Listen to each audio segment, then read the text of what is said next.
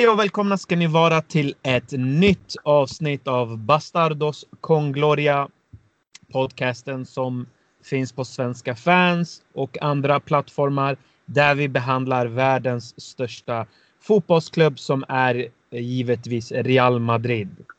Eh, vi har en hel del att prata om. Det har varit eh, en eh, eller två eller en, en och en halv hetsig eh, vecka, veckor mycket att såklart eh, sätta tänderna i. Va? Och eh, med mig det här avsnittet har jag såklart Bergarinho. Hur står det till med dig min vän? Tack, det är bara bra med mig med den. Härligt. Förutom att det har varit en eh, ja. fruktansvärd jobbig fotbollsvecka. Ja. Annars är det bra. Det är som vanligt. Mm, exakt, man blir trött av Ja, man blir trött när det inte går bra. Eh, den här avsnittet då har vi också med oss Tom. Välkommen hit Tom. Tackar, tackar. Hur står det till med dig? Trött som Bergerinho? Ja, det är väl lite samma. Inne i, inne i lite så här tentaperiod med plugget och sen eh, ja, också, också lite, lite nedstämd av, av vissa resultat på sistone. Men, men eh, i stora hela så är det väl ändå bra skulle jag säga. Ja, grabbar, vi får eh, lyfta kragen lite.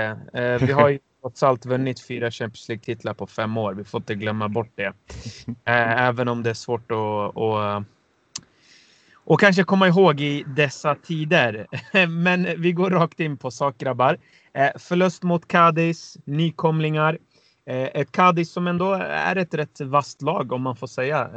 De ligger inte allt för illa till och Eh, Nachos broder eh, är ju även i Cadiz. Så eh, det finns, eh, det finns eh, talang där och potential och det har gått bra för Cadiz. Men det blev förlust mot en nykomling och det var ju såklart snöpligt. Sen trodde man då med Real Madrid, det är ju Real Madrid, förlorar man en eller två matcher då, då är det liksom kaos. Och eh, ja, det blev ju inte bättre mot Shakhtar, eller lite bättre kanske. Det beror på hur man ser det. 3-0 underläge eh, först och främst. Men Real kommer tillbaka, men inte hela vägen. Eh, och nu är det så att det är Barca som väntar och eh, Bererinho, jag börjar med dig. Varför ser det ut så här? Oh. Varför? Eh, mm. Jag, jag, kan ju börja med att säga att det var två väldigt eh, tuffa förluster att ta. Mm. Eh, för att bägge matcherna ska ju vara självklara eh, vinst, tre pinnar vardera. Eh, så att det var tufft att se Real Madrid eh, hamna i en svacka och framför allt eh, eftersom vi går in i El Clasico nu på lördag. Eh, varför det ser ut så där? Ja, det är många faktorer som eh, spelar in. Eh, dels eh, så eh, tror jag eh, är skadorna det ena.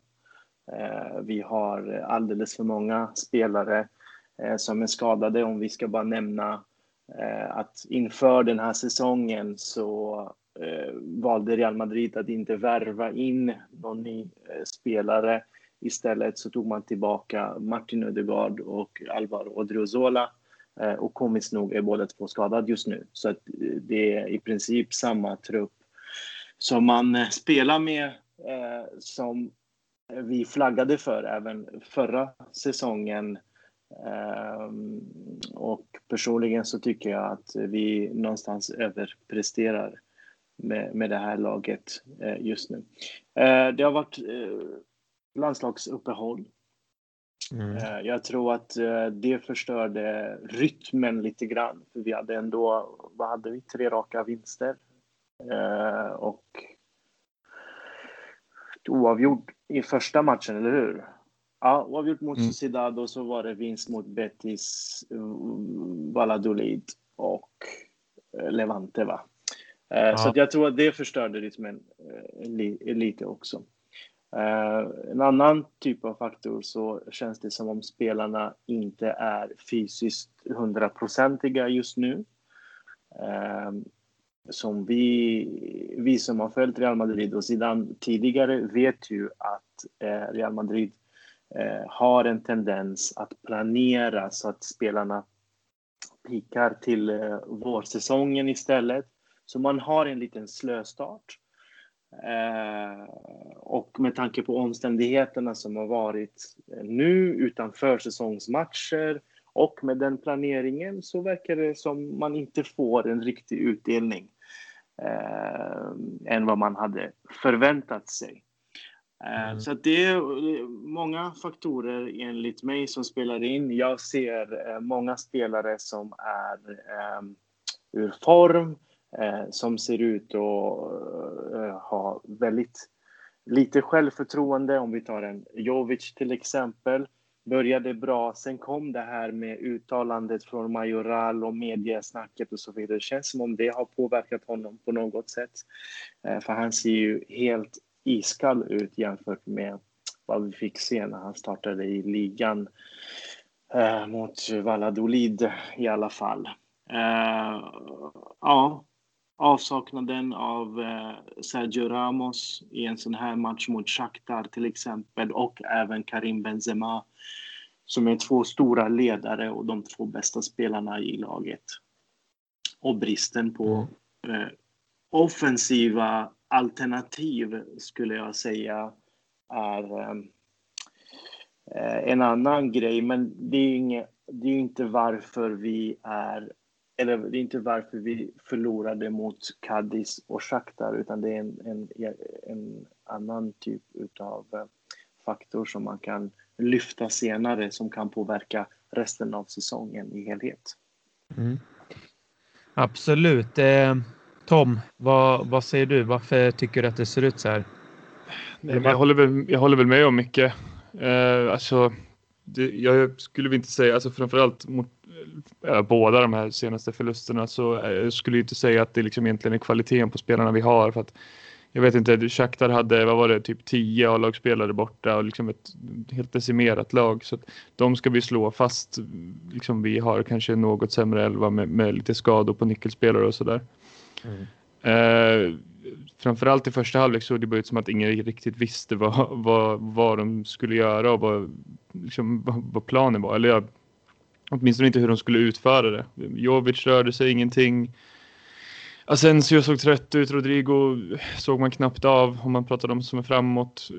Casemiro jagade som en galning men liksom kom aldrig tillräckligt nära och bara blev förbispelad. Militao hade ju en mardröms halvlek första. Eh, det var, inte, det var liksom ingenting som stämde. I andra halvlek såg det ju åtminstone fram till, inte vet jag, 70 när gjorde vi 2-1. Det var närmare 70 någonstans. Nej, 60 eh, mm. Efter det så tyckte jag det blev trögt igen. Det, är liksom, det går för långsamt, det är för lite rörelse. Mycket, mycket trampa på bollen. Tyvärr så Marcello igen som jag tycker liksom inte ser bra ut längre. Eh, knappt offensivt. Så jag tycker han, det går långsamt mycket när han får bollen på fötterna. Det är liksom många touch varje gång. Han var absolut inte ensam om det. Eh, sen vet jag inte om det kan vara någonting att göra med underskattning. Alltså att de tänker att de ska gå ut och städa av de här två matcherna. Det kan man aldrig göra. Eh, några spelare, spelare vilas, Benzema vilas, eh, Kroos spelar inte och så vidare. Men, men alltså överlag tycker jag, alltså det, jag tycker inte det finns några ursäkter. Framförallt, det finns inga ursäkter till den första halvleken mot Shakhtar för att det, det, spelar ingen roll om vi spelar, ställer upp vårt, alltså ett helt roterat lag. Ska vi inte ligga under med 3-0 mot Shakhtar hemma i halvtid liksom. Det, det finns ju inte på kartan så att jag, jag tycker att alla alla bär ju den skulden. Zidane bär skulden och varenda spelare på planen bär skulden. Och, men det tror jag att de liksom är väldigt medvetna om själva också. Eh, Cadiz-matchen är väl, är väl lite likadant. Jag ska ärligt säga att jag hade den på, på en, på en liksom andra skärm. Eh, för att jag var med ett gäng polare som inte var lika intresserade som jag av just den matchen. Jag tror vi kollade på United mot Newcastle på den stora tvn, vilket var lite trist. Mm. Eh, men framförallt Shakhtar kände jag liksom att alltså jag var typ inte ens arg när, när den 3-0 bollen rullade in. Det var bara, jag kände mig liksom uppgiven. För att det, det, någonstans så kände jag då att men det har gått så långt nu så att jag orkar typ inte ens bli förbannad när de gör mål. Shakhtar alltså. Jag vet mm. inte. Ja, nej. Eh, det låter uppgivet från eh, båda håll här, hör jag. Och jag förstår det. Eh, det, det och, och det är som du säger lite, eh, Bererinho, att eh, det kan ju vara just de här två matcherna kan vara mycket där man i fysisk form. Man kanske tänker på Barcelona-matchen, vilket är man på den här nivån så ska man egentligen inte göra det, men det kan hända. Eh, och eh, sen, eh, ja, det är liksom spelare som inte kommer upp i nivå eh, utan ser eh, ja, slöa ut och inte riktigt där 100 procent. Och man underskattar de här lagen och då blir det lätt så att ett lag som Cadiz och Shakhtar, de bryr sig inte utan de har ingenting att förlora. Så såklart för dem blir det lättare att gå ut och bara göra liksom det mesta eller det bästa av matchen. Eh, och det gjorde ju båda lagen. Eh, Bererino, om vi går in lite på spelarna här. Vi har ju eh, vi vill kanske inte lägga skulden på om det är spelarna eller Zidane, men om man tittar på spelarna just. Eh, några här som inte faktiskt tar sin chans. Eh, och det har hänt ganska många gånger nu under Zidane. Tror du att de här spelarna kan förändra eh, på det? Eller tror du att Zidane kommer få, kan han förändra någonting så att de här spelarna tar sin chans när den väl kommer? Jovic tog inte den. Asensio tog definitivt inte den. Rodrigo tog inte den heller eh, för den delen. Marcelo tog inte heller sin chans, även om nu han är en eh, klubblegend och han får spela och så vidare. Men Mendy har ju sakta men säkert tagit över den platsen. Militao tog inte heller chansen på det sättet. Han ryckte upp sig absolut i andra halvlek, men den första halvleken var ju bland det sämsta jag sett från en försvarare faktiskt i en halvlek. Ja, det var bedrövligt. Jag vet inte vad han höll på med. Men jag tänker eh, ändå ställa frågan. Tror du att Zidane kan göra något för att de här spelarna ska ta sin chans någon gång? För det är inte första gången Jovic får chansen. Det är inte första gången Rodrigo heller får sin chans. Eller Asensio. Vad tror du? Ehm, jag håller helt med. Det är ju absolut fel att diskutera kvaliteten på spelarna när vi har precis mött två lag som Cadiz och Shakhtar. Eh, men eh, personligen så tror jag att eh, de här spelarna inte levererar av olika anledningar. Om vi tar bara en, en Asensio så tror jag han är fortfarande inte i fysiskt rätt form för att kunna utföra det vi förväntar oss av honom. Men detsamma gäller även Marcelo. Jag, jag, jag ser att det brister väldigt mycket i, i fysiken. Eh, samtidigt så tror jag att det är ett helt annat problem när det gäller Luka Jovic. Där är det brist på förtroende. Det känns som om eh, han inte har det självförtroendet han behöver. Han får ett, ett par lägen då han ska kunna avsluta eh, som han eh, gör på ett sätt som man inte är van vid att se, nu, nu ska inte jag måla upp Luka Jovic som någon världsanfallare, för mig är det en Europa League-spelare, men, men eh, att ändå inte kunna ta vara på en, på en möjlighet som dyker upp, eh, det är en gåta för mig och det, det jag kan bara eh, konstatera eller tro är ju att han eh, har noll självförtroende just nu. Även om han får starta en match eh, så tror jag Eh, Eh, det är inte det är inte ett kvitto på att Zidane har ett förtroende för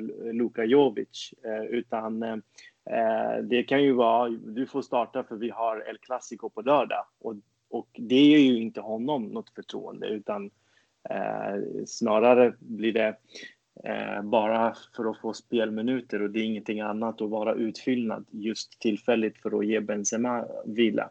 Eh, sen förstår jag ju en, förstår jag inte en annan sak och det är ju att Eh, jag håller med i de här två matcherna framför allt så ser laget eh, helt vilsna ut och det känns som om det inte finns någon riktig taktik eller någon spelidé och vi är sen i liksom varenda duell och så vidare.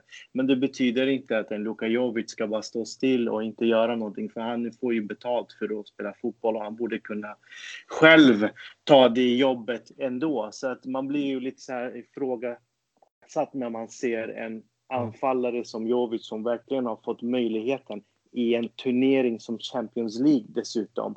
Att mm. han står still och inte tar, eller att han inte tar jobbet åtminstone, det blir jag förvånad över. Då, är det andra saker som brister. Det måste vara något mentalt. Det har inte, Zidane kan inte liksom lära honom hur han ska spela fotboll, utan han kan ju bara vägleda honom och ge honom det förtroendet han behöver för att kunna få fram de kvaliteterna som Jovic besitter. Mm. Så att de här spelarna som du nämnde, eh, jag är inte orolig för Eder Militao. Hans halvlek var fruktansvärd, men han har precis kommit tillbaka från en skada. Eh, Shakhtar är väldigt skickliga eh, oavsett om de spelade med C-laget. De och, Real Madrid i sin tur eh, jagade lite hastigt och, och svajigt och lite vilsna. Så att eh, normalt att han hamnade ur position tycker jag i, i första halvlek, för det var nästan ingen som var liksom i position så att säga. Eh, de ville vinna boll väldigt snabbt högt upp för att kunna såra Shakhtar och eh, de var skickliga på att spela sig igenom. De är ju drömmål, första målet, när de klackar sig vidare och det ena och det andra. Eh, men han rycker upp sig i andra och det där är för mig, det är det jag vill se. Jag, jag ville se de här spelarna eh, reagera. Jag ville se en reaktion i andra halvlek. Vi fick inte se det mot Cadiz. Det blev jag väldigt besviken Eh, över. Men eh, nu fick vi ändå se, vi ser att det finns tendenser, vi ser att det finns någonting att bygga vidare på. Eh, så att spelarna, ja, det är fel att nämna kvalitet när vi har precis förlorat mot ett lag som Cadiz och Shakhtar Donetsk. Men det spelar ingen roll om du heter Luka Jovic, om du inte löper, om du inte jobbar för laget, om du inte svettas. Då kan ju vilken annan nisse som helst göra då kan du bli jämförd med vem som helst.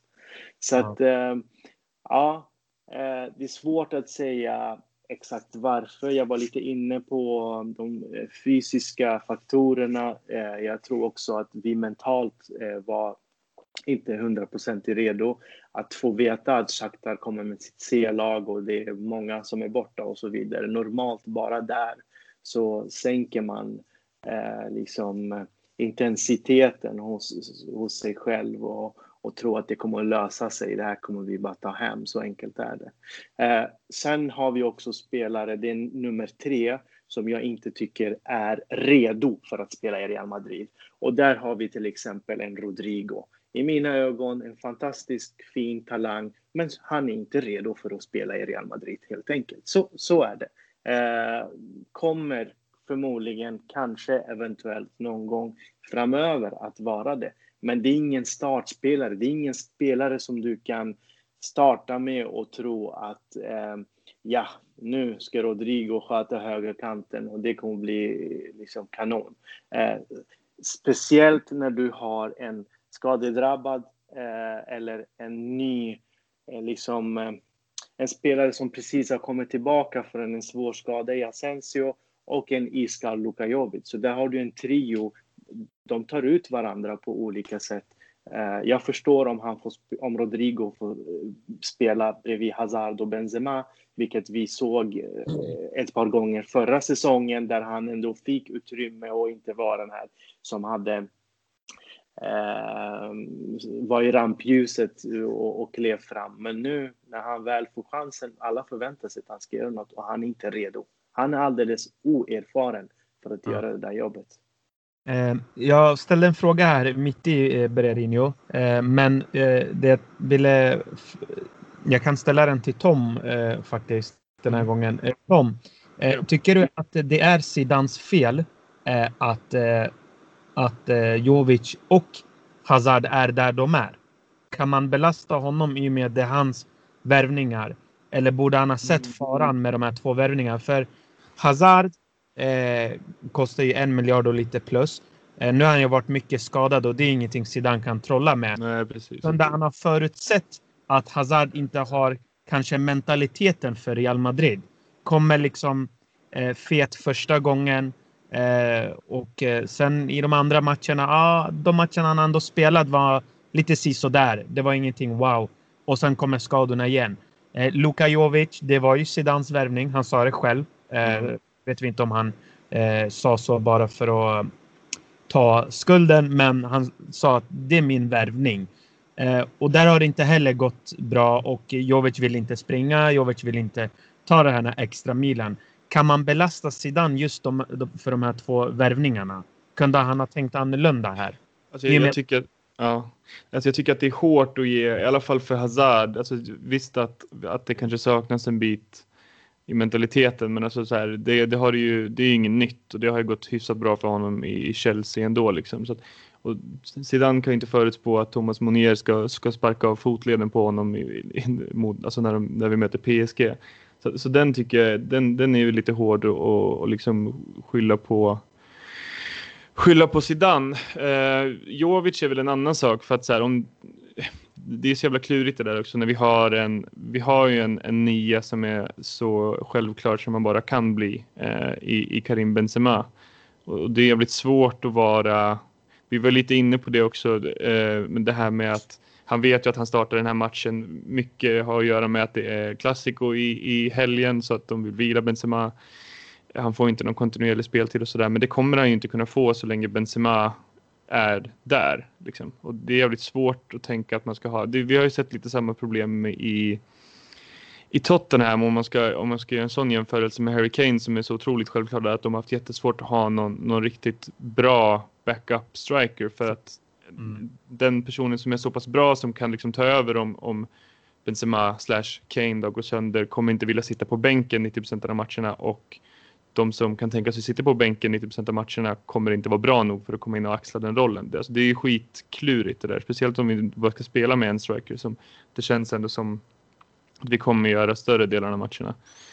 Eh, sen tror jag liksom också det här med, med Jovic, typ den, den, det läget han lyckas springa sig till där någon gång i första halvlek på inlägget från Marcelo tror jag det är från vänster eller om det är Rodrigo. Jag tror att det är Marcelo. Marcelo. Eh, det är också så här, den är ju så feltajmad den nicken så att det finns ju inte. Han får den ju på axeln och den bara studsar fram till, till deras keeper, där, Trobin mm. eller vad han hette. Mm. Eh, och det tror jag, det har ju mycket att göra med att han spelar ju aldrig så att han har ju inte tajmingen inne. Alltså hade, han, hade det där hänt alltså, för ett par säsonger sedan när han var som hetast så hade han inte, han kanske inte gör 100% mål där men han, han träffar inte bollen med axeln sånt där, sånt där tror jag handlar mycket om kontinuerlig speltid också. Eh, och att man är liksom inne i matchtempo och man är inne i det. Ja. Men alltså skylla värvningar, ja visst att Zidane får väl ta på sig lite hur det har gått med, med Jovic då kanske. Även om jag inte skulle säga att det är Zidans fel så. Men med Hazard så tycker jag att det, det är mycket som är olyckligt där. Alltså just, just det, den skadan som han rock, uh, råkar ut för mot PSG och sen att den bara höll i sig och liksom slog upp, slogs upp och, och, liksom, och sen nu med, med en ny muskelskada som jag inte vet om det kommer för att han har han har tränat för hårt för att försöka komma tillbaka i tid och sen pajar i vaden eller vad är det han har pajat nu? Ja, det är någon muskelskada. Ja. Så jag vet inte om det har med det att göra. Det är inte eh, samma skada i alla fall. Nej, det är ju inte det. Är inte det. det är inte fotleden utan det, jag vet att det är någon muskelskada. Så jag vet inte om det är att göra. Men Hazard känns mer som att alltså det, är, det är klart att det har mycket att göra med hans mentalitet. Mycket av det andra, att han kommer överviktig och grejer. Men sen känns det som att det har bara gått, allt som har kunnat gå fel med honom har ju gått fel med alla skador och liksom allt snack runt omkring hjälp, hjälper ju inte heller såklart. Även om det är självklart att det blir så.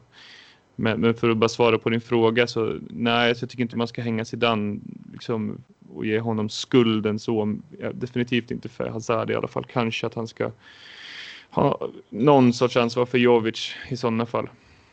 Mm. Intressant. Eh, Bererinho, på tal om att vi är inne på spelare då. Eh, vi pratar lite om Jovic och Hazard och eh, hur det har gått för dem. Eh, om vi pratar lite om eh, ungdomarna nu som finns i Real Madrid. Real Madrid har ju också valt en ny eh, transferstrategi eller valt. Det har varit nu så ett tag i alla fall. Eh, och det kommer antagligen väl fortsätta. Eh, det beror på lite utvecklingen av fotbollen såklart. Man pratar ju om många eh, nya sätt att spela ligafotboll på eh, eh, European Super League och tv-avtal höger och vänster. Men förutsatt då att Real Madrid fortsätter på den inslagna vägen att talanger ska köpas in tidigt så att man inte behöver sen köpa dem för två eller tre miljarder. Eh, om vi har det tankesättet här, tror du att Zidane, nu den här Zidane 2.0, eh, tror du att han har det i sig att kunna förädla talanger och eh, utveckla spelare som Vinicius, Rodrigo, Ödegård, eh, och eh, Reinier Jesus bland annat och eh, ytterligare eh, värvningar som säkerligen kommer göras. Vad tror du? Eh, jag tror definitivt att eh, han har det i sig och, det har han ju visat prov på. Jag menar, eh, Casemiro hette inte Makalele i efternamn när Zidane gjorde honom till en av världens bästa mittfältare som en hyfsat ung spelare. Eh, samma sak gäller med att liksom få ut maximalt utav eh, Eh, andra spelare som har varit i Real Madrid. Om vi tittar nu på Fede Valverde, likadant som var under isen eh, när Lopetegui var som tränare och, och, samma sak med Solari, men under Zidane helt plötsligt eh, vet alla vem Federico Valverde är. Eh, så att han har ju visat det, men samtidigt så är min känsla att det blir alldeles för många talanger. Det är alldeles för många han måste utveckla och där har vi ett problem. Eller vad tycker du? vem ska, vad, vad, varför, eller tror du att ledningen gör fel i att de tänker kring en sån transfer policy? Eller vad, vad, kan man göra? Tycker du att man behöver kanske en utpräglad sportchef? Nu har man ju José Angel Sanchez, men eh, ska man tycka du ha en ännu mer eller bättre scouting kanske? Vad, vad tror du är någonstans? Det, det är värt att påpeka, för det är många som klassar Real Madrid som eh, har typ världens bästa trupp och Real Madrid som bara köper eh, färdiga stjärnor och så vidare. Och det är de människorna som inte följer Real Madrid lika mycket som vi gör. Eh, det var ju, jag minns inte senast vi köpte en världsstjärna, alltså en riktig världsstjärna. Jag menar en stjärna på Cristiano Ronaldos nivå eller på Kakas nivå och så vidare. Eh, så att, eh, Hazard var väl det? Ja. Ja. ja. ja. Spelar han i Real Madrid? För jag har inte sett honom så. Nej, men, men, men jag menar, alltså, det, det händer inte så ofta längre i Real Madrid som det gjorde kanske tidigare under den första etappen av Florentino Perez när han ja, verkligen var... byggde. Ja. Eh, men det är många som fortfarande i liksom det tänket om Real Madrid. Men det är ju inte så. Idag är det helt annan transfer policy som du var inne på. Det förändrades redan under José Mourinhos tid i början av den, det förra decenniet. Men eh, personligen så tycker jag att eh, Real Madrid eh, är på rätt väg, på rätt spår. Eh, de gör rätt i att värva ungt och göra det de ska. Men Eh, ett problem blir när du har två likadana spelare i Vinicius och Rodrigo och du ska göra bägge två till Ronaldinho. Det går inte. Det funkar inte så. Jag, jag, förstår om det är så att vi har en mittbackstalang eller en defensiv mittfältare eller en nia eller så vidare. Så två, tre, fyra eh, spelare att kunna utveckla och göra dem till liksom Real Madrid-material för att eh, Vinicius, Rodrigo, Ödegaard, eh, Valverde, Militao. Eh, det här är bara några som jag räknar upp och vi vet att eh, Ceballos, eh, Kubo och några andra är ute på lån också.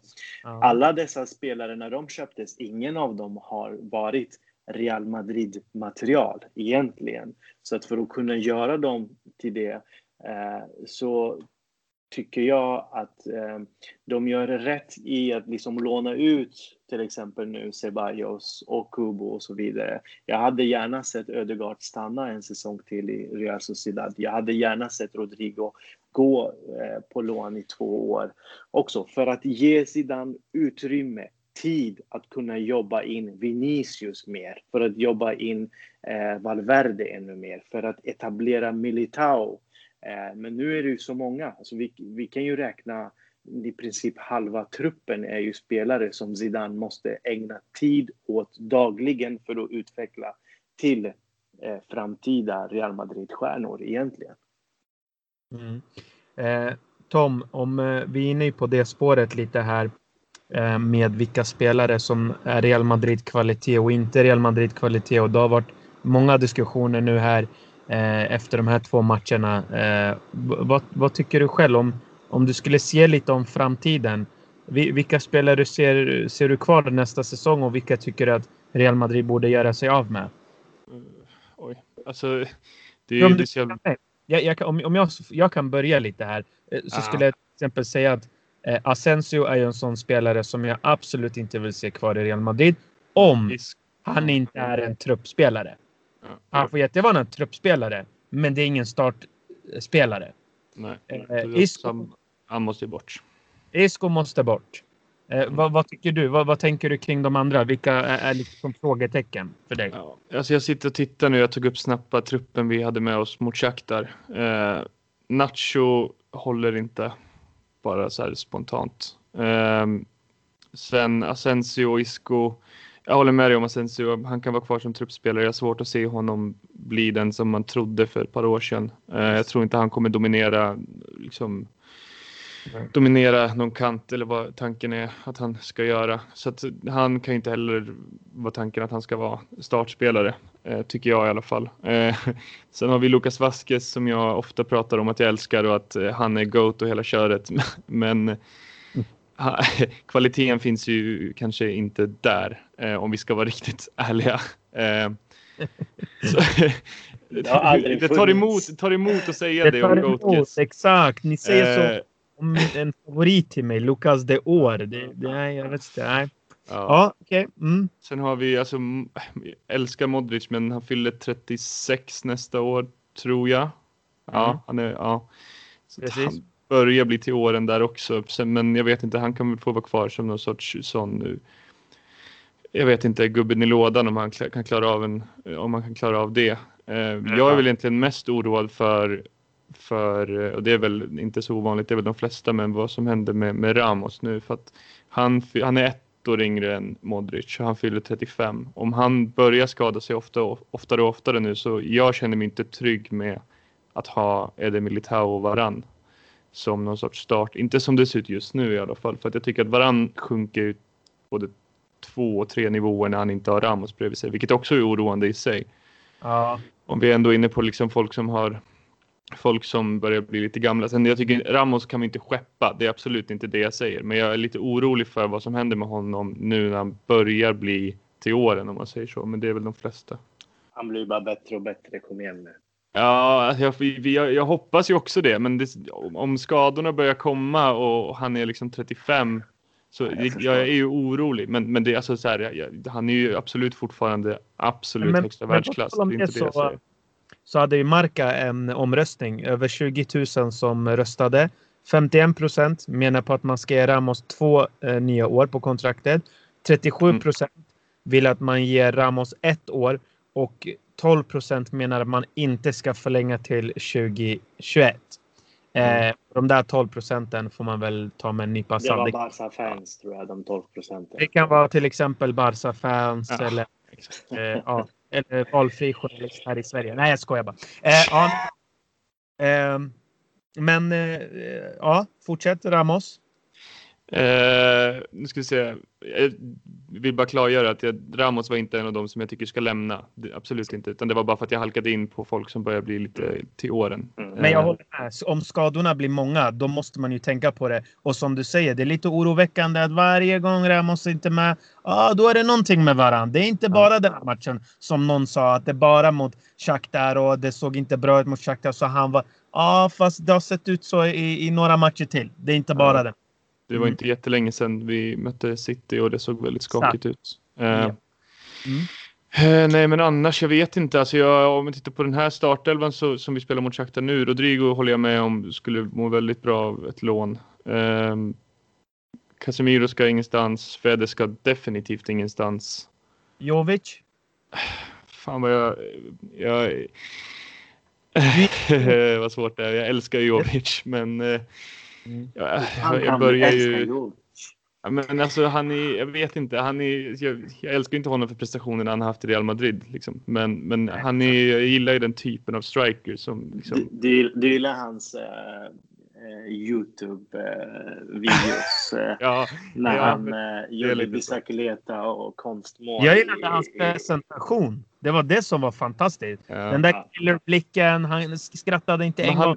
Nej, han känns som en killer och sen så, Ja, så ser han exakt. så loj ut och det är det som är så här, jag, jag är väldigt, jag är väldigt Han ser ut som en stor bebis nu för tiden. Jag trodde han Ja. var Terminator, men han, han ser bara ut som en tjock bebis som Ja. inte ens tar i. glömma Alltså. bort, Bergar, att eh, Barca-fansen och Barcelona var jättesugna på Luka Jovic. Får Ja, inte glömma Eh, bort det. eh, absolut. Eh, bara för, jag får bara flika in här lite Ja, snabbt. flicka Eh, igen. Gör det nu. eh, när Zidane tog över liksom första gången Mm. Eh, då hade han ju, liksom, om man säger så här, han hade ett färdigt lag. Eh, han, som alla redan känner till, gjorde vissa förändringar och det var ju liksom att få in Casemiro på defensiva mittfältet och det förändrade ju Real Madrid markant och det blev Champions League-seger och, och det ena och det andra. Men säsongen därefter så hade han ju många unga spelare, men han hade inte samma problem med att jobba in en startelva, utan han kunde jobba in vissa spelare in i startelvan lite då och då. Idag är problemet att han behöver jobba in Fede Valverde i startelvan på heltid. Han måste jobba in Vinicius in i startelvan på heltid. Mondi ska in i startelvan på heltid. Så att eh, det är ju det som är ett problem för att eh, en spelare som Asensio när han kom, det var knappt någon som kände till honom som inte följer La Liga och såg eh, hans säsong i Espanyol eller följer Real Madrid och visste att eh, han var på lån från Real Madrid ut. Men eh, han utvecklades direkt och var liksom, fick det här förtroendet. Eh, Zidane liksom tog bort en spelare som James för Asensios skull. Och, eh, vi såg eh, Isco nå höjder som vi aldrig hade sett tidigare. Så att eh, utvecklandet av spelare som vi var inne på tidigare, det är ingen diskussion om att Zidane kan ta det. det många tror att bara för att han inte spelar en tiki-taka fotboll så, kan, så kommer vi inte kunna utveckla spelare, men så är det inte. Eh, spelare som Raúl, Guti, eh, nämn vilka du vill sen tidigare i Real Madrid. Ingen av dem är uppväxta i någon tydlig spelidé eller någon tiki-taka. Eh, så att eh, eh jag tror att han är definitivt rätt gubbe för att eh, liksom utveckla de här spelarna. Men precis som ni är inne på, det måste sorteras en hel del i truppen och han måste kunna få lägga ner tid på de som är viktigast, de som vi verkligen tror på. Så det är ett jobb som egentligen ledningen får ta på sig också. Det är svårt att kunna ge så, så många unga spelare och säger till dem här, varsågod, gör Ödegaard till nästa Zidane, gör Vinicius till Ronaldinho, gör Militao till nästa Pepe eh, och så vidare. Så att eh, det är svårt och, och, jag håller helt med om att eh, vi har många spelare i truppen som egentligen inte är Real Madrid-kvalitet fastän de har namnen. Eh, och de har namnen på grund av att Zidane gjorde dem till så stora namn. En, ett exempel är ju Lucas Vasquez. Eh, jag tycker att han har aldrig varit en Real Madrid materialspelare men eh, Zidane gjorde honom och gav honom det förtroendet så att han till och med tog den där straffen i Milano. Så att eh, det är ju det. Så att annars tycker jag att truppen i sig, den är balanserad men behöver verkligen renoveras och rensas till nästa säsong. Och jag håller med om de spelarna som ni har varit inne på eh, bör vara frågetecken och man behöver flagga för dem. Med, med Asensio där som du var inne på i början, tycker du att han har nått, eller har det kanske mycket med skadan att göra, men tycker du att han har nått den nivån som man trodde för några år sedan? Um, han, han blev ju bättre och bättre för varje säsong under Zidane. Som, mm. var det som, som gick. Han var ju liksom avgörande i stora matcher. Han gjorde ju mål i Champions League-final och i liksom var avgörande med sina inhopp i stora, verkligen stora matcher och El Clasico och så vidare. Så att han, nådde, han pikade ju liksom, han var på väg upp och sen kom den här skadan. Så ja. jag tror inte vi kan eh, belasta eller ja. sätter det liksom på sidan i, om han inte skulle utvecklas vidare. Fastän jag fortfarande tror att han har utvecklingsmöjligheter i just Real Madrid. Jag, jag, tycker att han är en väldigt klok spelare. Men som Meran precis var inne på, han är fortfarande inte en startspelare i Real Madrid. Nej. I mina ögon. Men det är det som jag tycker är lite upp. Han är ändå, vad är han, 25, 24? 24, 24 ja. ja året, året som uh, var med uh, Lopetegui och Solari. Uh, det var ju liksom, det var ju ett år som mm. många i truppen bara kastade bort på grund av, eh, man kan säga att det var ledningen eller vad än det kan vara, eller mättnad efter tre. Det priset vi fick betala för tre raka Champions League-vinster. Ja. Det var det året med Lopetegui och Solari och sen Zidans återkomst då. Sen förra säsongen så uh, var det korsbandet så att han ja. har ju förlorat två år och måste verkligen komma ikapp. Men innan dess, uh, som sagt, uh, jag var jag hade inga problem med att säga bort med James och Bale för vi har Asensio. För så pass mycket kvalitet hade han och visade upp. Eh, mm. så att eh, det är en sån spel. Men ja, övriga som vi har varit inne på, det, det måste verkligen ske någonting. Militao, jag är fortfarande, jag ser någonting i honom. Han, eh, han har det som krävs. Ehm, han eh, det kommer att komma. Ja, vi kan räkna med en hand matcher han och Varann har startat ihop. Det är inte många. Eh, svårt att kastas in i hetluften mot City bara sådär också. Eh, men eh, det kommer. Oro är det inte för honom. Det, det, jag tror inte det är något att oroa sig för. Det håller jag ändå med om. Mm.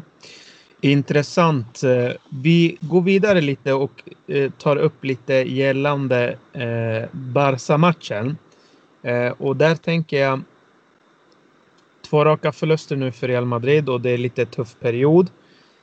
Men mot Barcelona, jag har aldrig faktiskt om jag tänker efter så är det inte många matcher, eller jag kommer inte på någon match där eh, ett Real Madrid under Zidane som har eh, ja, i alla fall skämt ut sig mot Barcelona utan Zidane har gjort det oftast väldigt bra mot Barcelona. Till och med med en man mindre eh, så har Zidane vunnit matcher.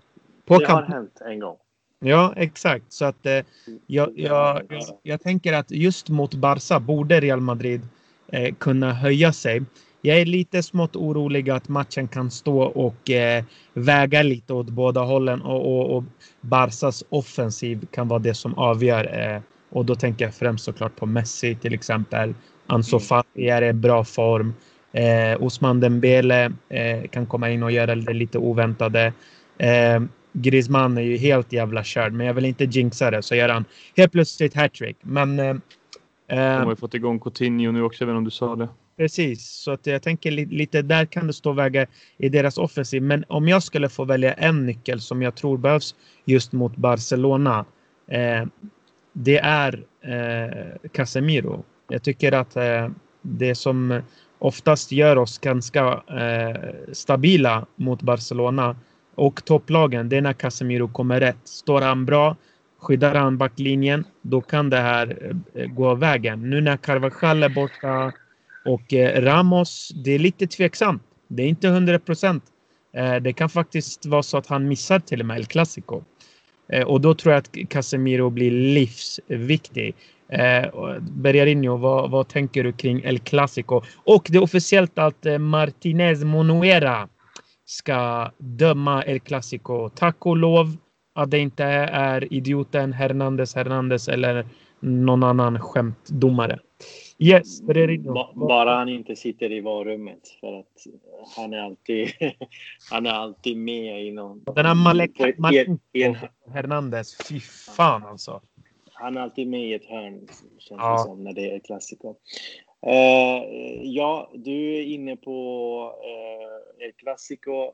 Självklart mm. uh, Casemiro, jättetråkigt att han, är, han inte är i den formen som Nej, eh, man önskade. Jag tror att mycket på grund av resorna och landslags eh, liksom matcherna som han hade nyligen med Brasilien som han för övrigt var och bar lag, lagkaptensbindeln. Eh, eh, Eh, blir jätteviktig. Valverde är en annan spelare. Så att vinna mittfältskampen mot Barcelona är alltid viktigt. Sen ska jag också tillägga att senast vi mötte Barca och vann med 2-0, då kom vi också från två raka förluster. Då var det mot Levante och, och, och Manchester City. Eh, så att El Clasico lever alltid sitt eget liv. Eh, jag räknar inte bort varken Real eller eh, Barca. Värt att eh, se upp för efter att jag har sett jag såg Barca mot Sevilla och jag såg Barca i en annan match. Det är ju att de är faktiskt ruskigt starka på att ställa om och kontra nu för tiden under Koman. Mm. Så det är viktigt att vi är med på de omställningarna. Vi såg ju hur det gick mot Shakhtar så att eh, det kan bli lika farligt mot, mot Barca också, om inte farligare. Eh, så det är viktigt att vi, eh, är det så att vi pressar högt, att vi gör det tillsammans och att vi är verkligen med på noterna om att det kan komma snabba omställningar. För det är ett nytt sätt att spela på. Jag har inte sett Barca slå långbollar så mycket som de gör just nu. Förutom mittfältet så behöver vi också kunna, eh, hur säger man det här? Man behöver ha en liksom motvapen, att man ger exakt samma typ utav ehm, ehm, eh, exakt samma, med exakt samma metod. Eh, det vill säga när Barca trycker upp mot oss och försöker spela kring vårt straffområde, att vi också har spelare i offensiven som kan dra iväg och vi kan slå några långa för att öppna upp ytor och kontra mot dem i sin tur. Så att, så att det blir en match eh, där de vet att pressar vi Real så kommer de med några snabba omställ omställningar.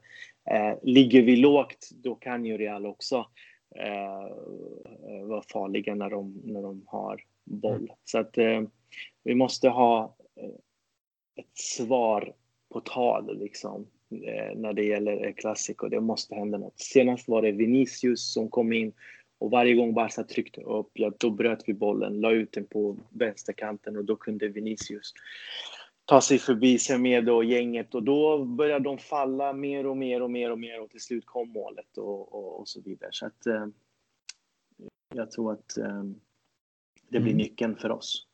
Yes. Eh, Tom, vad, vad tror du blir nyckeln mot Barcelona? Nej, men det är väl, jag håller väl med om, om precis allt som har sagts. Och det, det är kul för att vi var inne på eh, sist, tror jag, förra veckan att, att vi, man inte ska sätta för mycket press på Vinicius. Men jag känner att Vinicius blir också jätteviktig den här matchen. Eh, för att han känns ju som vårt farligaste djupledshot eh, som, som det ser ut just nu. Men sen såklart Casemiro också alltid en av våra viktigaste spelare. Um, och sen vinna mittfältskampen, det har ju mycket med Casemiro att göra. Jag hoppas att Fede har en, en supermatch som, som han kan ha, eller han har ganska ofta om vi ska vara ärliga, men, men en, en sån riktig en pangprestation. Sen, nu vet jag inte om det blir eh, eh, Monditi på högerbacken igen. Eh, det känns väl lite som det och då, då är det viktigt att Marcello spelar upp sig lite också, för då blir det ju Marcello till vänster. Um, annars, alltså jag, jag jag vågar ju inte vara optimistisk inför den här matchen. Det är sällan jag vågar vara optimistisk inför, inför någon match. Om, jag är som sagt ganska pessimistisk av mig när det gäller mycket, förutom när det gäller Luka Jovic kanske. Eh, men eh, men jag, jag är ju, jag, om jag ska vara riktigt ärlig så är jag ju livrädd för den här matchen. Eh, den, alltså så här, den, som det känns just nu så kunde den inte komma vid ett sämre tillfälle men det kan ju också bli motsatt effekt att om vi skulle vinna här så kommer, skulle den inte kunna komma vid ett bättre tillfälle för att om vi skulle vinna en klassiko så känns det som att då kan mycket vända. Uh, mm. Men eh, nej, men jätteviktigt att, att Vinicius eh, hotar djupled. Jag har ju inte, jag tror, alltså ytterbackarna i, i Barca känns ju inte super, super läskiga att möta så. Eh, Sergio Roberto eh, tycker jag fortfarande inte är någon, någon klass högerback på något sätt. Och sen har jag inte sett tillräckligt av, av eh, den här Ser, Serginho Dest. Eh, men han är väl en högerback som får spela till vänster nu. Eh, för att Alba är väl fortfarande borta. Mm. Mm. Är Alba borta? Han har inte spelat nu i alla fall på ett par matcher. Eh, jag tror att han är borta. Alba. Ja, det är väldigt Speciellt skönt. nu när man inte har varken Carvajal eller Odriozola. Ja, exakt. Ehm, så att, eh, ja, spännande. Ja, men jag tror att de två senaste matcherna har det varit, eh, har det varit Dest som har spelat vänsterback för dem. Och det är ju ändå en, en ung oerfaren högerback på vänsterbacken så det borde vi kunna utnyttja tycker jag. Mm. Men man, man, vet ju aldrig. Som sagt, jag, jag, är livrädd men jag hoppas, jag hoppas, hoppas, hoppas att jag blir motbevisad. Mm. Generellt så attackerar ju Barca på vänsterkanten och det har de gjort i flera år nu under, mm. under samtliga tränare med Jordi Alba som, som vänsterback. Det har varit mindre på högerkanten sedan Dani Alves eh, lämnade. Så det är skönt att han inte är med och eh, personligen så tycker jag att eh, Nacho skulle passa bra som högerback i den matchen och flytta över Mondi direkt på vänsterkanten. Jag vill mm. inte se Mondi. Han är inte tillräckligt bra som vänsterback och han är inte bra som högerback i mina ögon. Så att uh, jag, vill, jag vill verkligen... Uh, du vill ha Marcello och Nacho eller? Nej, nej, jag vill, nej. Jag vill inte ha Mondi på högerkanten. Nej, nej, ah, okay. Utan jag måste ha, det, det bästa vore om han spelade Eh, på vänsterkanten för att eh, defensivt är han fantastisk. Men eh, att få spela på fel position dessutom när vi ändå har sett att han brister lite i offensiven. Det känns inte bra. Så att, sätt honom på rätt position och så får Nacho verkligen stänga igen högerkanten. Behöver inte göra någon jätte liksom färd i offensiven eh, och där skulle vi kunna ha en Asensio som eh, gör sin gubbe och, och, jobbet på högerkanten som offensiv mm. spelare då. Eh, så det hade varit bra. Eller ha en Valverde på högerkanten tillsammans med Nacho eh, för att stänga igen den kanten helt och hållet om nu den här Dest och Fatih spelar på vänsterkanten. För det känns ju som om det är deras liksom, största hot, att det kommer från vänsterkanten. Mm. Uh, nu vet jag inte om Dembele är i någon, någon, form, någon farlig form, för jag såg att han gjorde mål senast och sådär. Men uh, förmodligen så är det ju Fatih som spelar vänster, på vänsterkanten och då är det bra att stänga ner med Nacho. Mm. Det är min spontana tanke uh, just nu. Sen blir ju Kroos och Modric väldigt, väldigt viktiga också. Vi har ju pratat om mittfältskampen. Men deras rutin liksom att kunna hålla i boll och liksom göra det de är bäst på blir väldigt avgörande. Mm. Intressant grabbar. Det kommer bli härligt att få se El Clasico. Eh, jag vill också säga att eh, Kubo har gjort mål för Villarreal och en assist. Så det bådar gott. Och blivit mm. utvisad mm. va? Har han blivit utvisad också? Jag Vilken legend. Jag tror han tog två gula.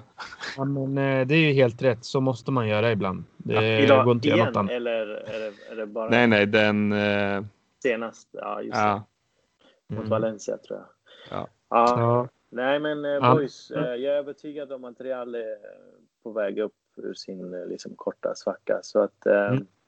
var inte oroliga. Jag hade varit mer orolig om det hade varit röda kort, om det hade varit liksom ilska mot domare och liksom Zidane hade blivit utvisad och det har varit kritik eh, mot spelare fram och tillbaka och man såg bilder på att Luka Jovic var på någon nattklubb eller något liknande. Så att jag hade, då hade jag varit orolig. Men eh, känslan ja. är att eh, det har varit eh, en oroliga veckor eller vecka. Mm. Eh, med överraskande poängtapp och så vidare. Men eh, Zizou, kom igen. Är det någon som kan lyfta upp det här så är det han. Och jag är glad att det är han som är ja, tränare och inte Rafa Benitez just nu. ja, men eh, det ska bli kul att se eh, hur det går. Eh, vi återkommer såklart med podden som vanligt och har ni några frågor till oss så är det bara att ställa dem. Så kanske, eller kanske inte, så tar vi upp dem i podden. Grabbar, har ni något att tillägga för den här gången? Är det Fergie time eller? Det är Fergie. Uh, nej. Nej. Inget, inget särskilt, men uh, positivt att uh, en känsla att Vinicius ändå tar små steg framåt faktiskt mm. i, i sin utveckling. Mm. Uh, han känns ju bättre och bättre. Mm. Uh, så att um, självklart tycker jag personligen fortfarande att han är inte den vi ska liksom ha ögonen på när det är El Clasico. Nej. Egentligen inte. Han ska ju kunna få hoppa in i lugn och ro och göra sitt. Eh, och det ska vara andra stora, större stjärnor eh, framför honom just nu. Men, eh, men positivt att han nu, Valverde tog, för, tog det förra säsongen och det känns som om Vinicius tar det den här säsongen. Så pö om pö med utvecklingen av spelare framåt. Mm. Ja men verkligen. Eh, Vinicius har tagit stora kliv och jag tycker det är skönt att se också att han vågar eh, ta mer avslut eh, trots att det inte är hans starkaste sida och det är viktigt att man fortsätter försöka, fortsätter eh, träffa mål, fortsätter liksom eh, och bara pumpa på. Och eh, nu har han gjort också eh, mål och det är bara fortsätta på den här inslagna vägen för det kommer behövas mot Barcelona, garanterat. Det, tror jag. det, blev väl, eh, det blev väl rekord mot Shakhtar, det snabbaste målet en inhoppare har gjort från att ha kommit in tror jag i Champions det, League. Det stämmer. Ja. Det är det enda positiva man kunde ta med sig. ja, precis. Vimy har börjat slå rekord i Real Madrid. ja, aj, aj, aj. ja, nej, men eh, positivt faktiskt. Eh, jag, jag är en kritiker så att eh, Eh, jag har gillat hans spelstil och gör det också fortfarande. Men eh, mm. jag har eh, tyckt att vi borde ha haft någon annan före honom. Så att han får arbeta i lugn och ro. Men det är skönt att han ändå är mentalt stark och inte blivit påverkad av allt som media skriver om honom och hans beslutsfattande och så vidare. Och leder skytteligan, den interna skytteligan, så det är positivt. Mm. Exakt så. Eh, ba Ballon d'Or eh, sa du medan, eller hur? Jag sa Ballon d'Or. Efter Valladolid-matchen så var jag helt övertygad om han kommer vara eh, nummer ett där. Det är inga konstigheter. Ja, eh, han kommer vinna Ballon d'Or. Eh, vad, är... vad tror ni det blir för resultat i El Clasico? Ja, exakt. Vi måste dra resultatgrejen. Eh, nej, jag börjar inte. Ska jag börja? Ja, mm. visst. Du känner dig säker. Kör. Uh, uh, 3-1 Barca. Oh, vet du vad det sjuka var? Det var exakt det jag hade i huvudet. Wow. Jag satt och tänkte 3-0 Barca. 3-0 Barca. Ska vi, ska vi vara så tråkiga? Nej, nej, nej. nej. Men det, nej, nej. Jag menar inte att jag, kom, att jag skulle säga 3 utan det var det första som dök upp i min hjärna. 3-1. Sjukt. Vilket är... Eh, min hjärna eh, säger 3-1 Barca. Ja. Hjärtat säger 0-1 Real. Ja. Hjärtat säger 2-1 Real Madrid. Hjärnan säger eh, 2-1 Real Madrid. det är jobbigt när man behöver ge separata tips på vad man egentligen tror och vad man hoppas. Nej, men jag, Men jag sa ju två. Alltså, hade ja, det är sant. Hade inte svackan varit, jag hade varit övertygad om vi hade tagit dem. Alltså. Ja, hundra procent. Men nu tror jag att Vinicius kliver fram. Inga konstigheter. Viktigt med en bra start dock. Eh, det, känslan är ju att både i Cadiz och Shakhtar-matchen att vi har haft någon typ av slö start. Mm. Eh, så den är A och 100 procent liksom påkopplade spelare. Det borde de ju vara. Nu ska vi till Camp Nou. Det är inte Alfredo Di Stefano och jävla träningsanläggning längre. Eh, utan eh, nu är det en riktig arena och de borde väl vara påkopplade när de väl stiger in där på gräset på Camp Nou. Starten, starten är viktig. Ah, Tom, förlåt. Sa tips, ett, tips med, ett tips med hjärtat så säger jag så här. Jag, det, det bara kom till mig nu. Det står 1-1 i 80 Luka Jovic kommer in. I 89 så kommer en Bicicleta ribba in. Oh! är, är, det, är det på Fifa eller vad det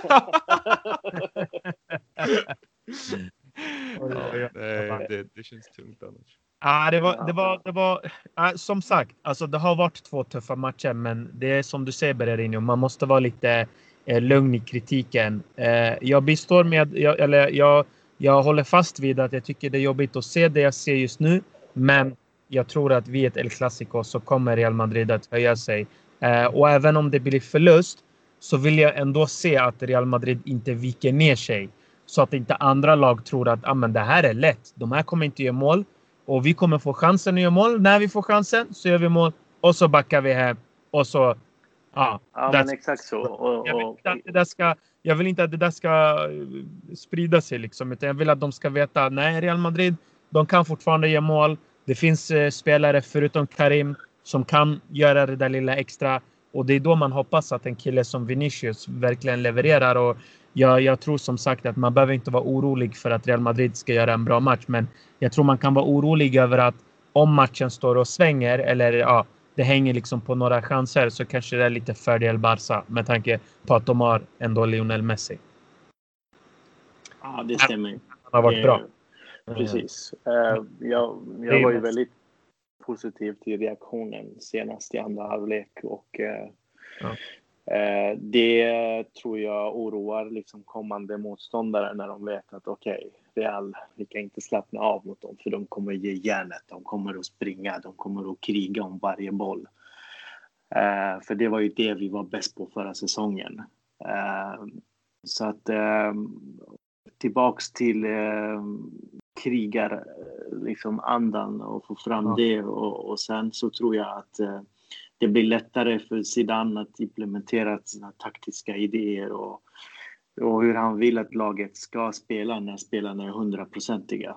Så är det bara. Har du, kommer inlägget och Jovic är iskall då kommer han inte sätta den oavsett om det är världens eh, genomtänkta eh, liksom, eh, trianglar i sista tredjedelen. Han måste vara påkopplad, han måste vara hundraprocentig och det är klart, det ligger ju också på Zidans bord men eh, eh, det är viktigt att eh, spelarna rycker upp sig nu och nu, nu är det dags. Det roliga är över, nu kör vi. Mm. Ja, verkligen. Okej grabbar, med det sagt så får vi avsluta för den här gången. Eh, fortsätt lyssna på podden eh, och tack till alla som eh, lyssnar. Tack så mycket Bergarinho för den här gången. Ja, tack själv. Tack så mycket Tom för att du var med. Tack så mycket. Tackar, tackar. Eh, på återseende. Adios.